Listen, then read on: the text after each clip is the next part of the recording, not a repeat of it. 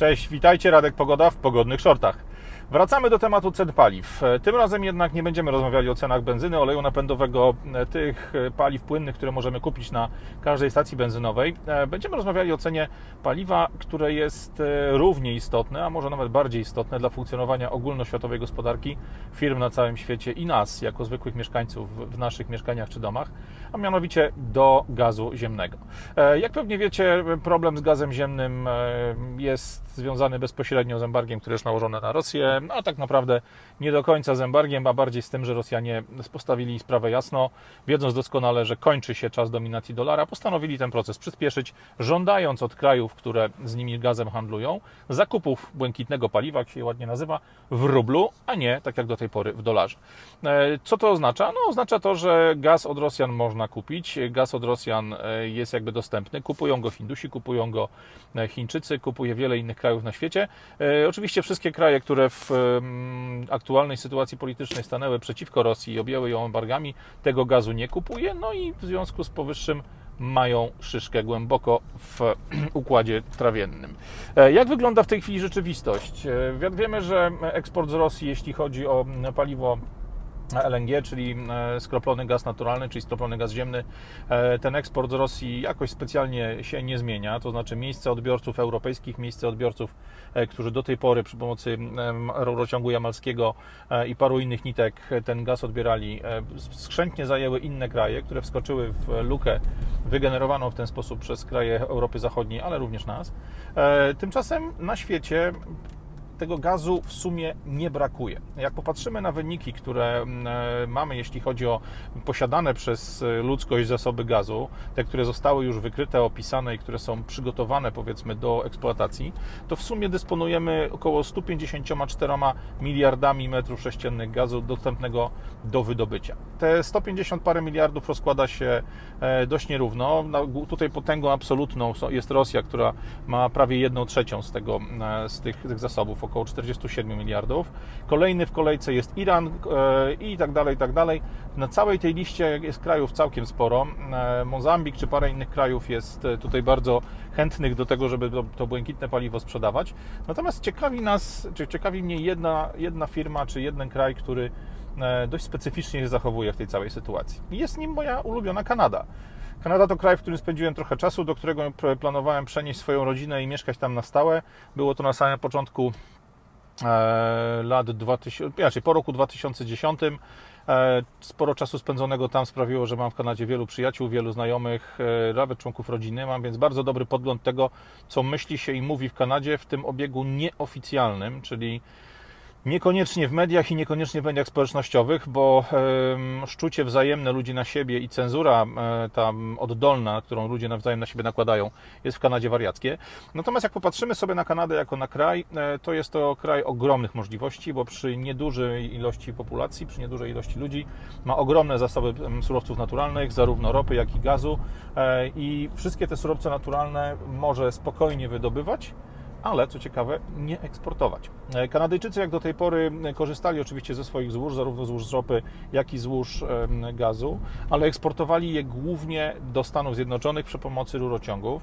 E, na ten moment Kanada e, jakby ma jeden podstawowy problem, mimo tego, że jej zasoby, gazów, e, jej zasoby gazu e, plasują ją na 15 miejscu na świecie e, z zasobami na poziomie około 2 miliardów roku, 2 miliardów metrów sześciennych dostępnego do wydobycia gazu i to 15 miejsce jest powiedzmy gdzieś tam klasą średnią. O tyle jeśli chodzi o możliwości produkcyjne, możliwości wytwórcze, Kanada jest producentem numer 5, czyli jest bardzo wysoko w tym światowym łańcuszku firm, które, czy tam krajów, które potrafią potrafią gaz wyprodukować. Co to jednak oznacza dla nas, dla Europy, dla Polski, dla Niemiec, dla innych krajów, które odcięły się w tej chwili politycznie od dopływu gazu z Rosji?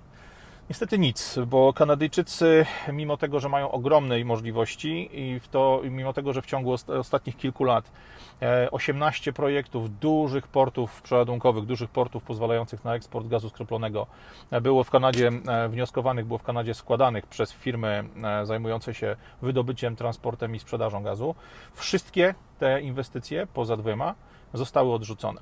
Pięć z nich było na Wybrzeżu Wschodnim, więc to było te pięć, które pozwalałoby bez problemu obsługiwać Europę Zachodnią, do, dowozić do Europy Zachodniej kanadyjski gaz e, przy pomocy statków, przy pomocy gazowców. Jeden z nich e, został odrzucony już w tym roku, w lutym, kiedy wiadomo było, że sytuacja na Ukrainie sprawi, że no, będzie kłopot, a chwilę później wybuchła wojna, która do aktualnego poziomu kłopotów doprowadziła. Co się stało? Dlaczego, co zostało przyczyną? Czy co było przyczyną tego, że Kanada odrzuciła wszystkie 18 projektów E, związanych z budową e, gazoportu, z budową portów pozwalających na eksport gazu.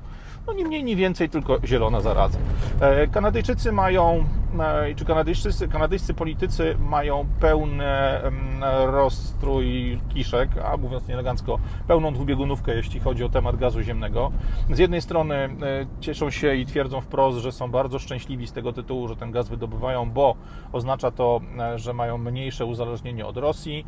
Cieszą się, że gaz jest e, tak istotnym elementem, jeśli chodzi o e, kanadyjską gospodarkę energetyczną, no bo mm, są w tym momencie niezależni, w dużym stopniu mogą sami e, patrzeć i sami dyktować sobie swoje ceny. Natomiast niestety w rządzie kanadyjskim jest cała masa zielonych oszołomów. Tutaj główną rozgrywającą oczywiście jest Christia Freeland, osoba, która jest wprost wskazywana przez moich ulubiony, mój ulubiony gang z Davos jako ich przedstawiciel na Kanadę. Oczywiście premier Trudeau i wiele, wiele innych osób w rządzie centralnym, jak i w rządach poszczególnych prowincji.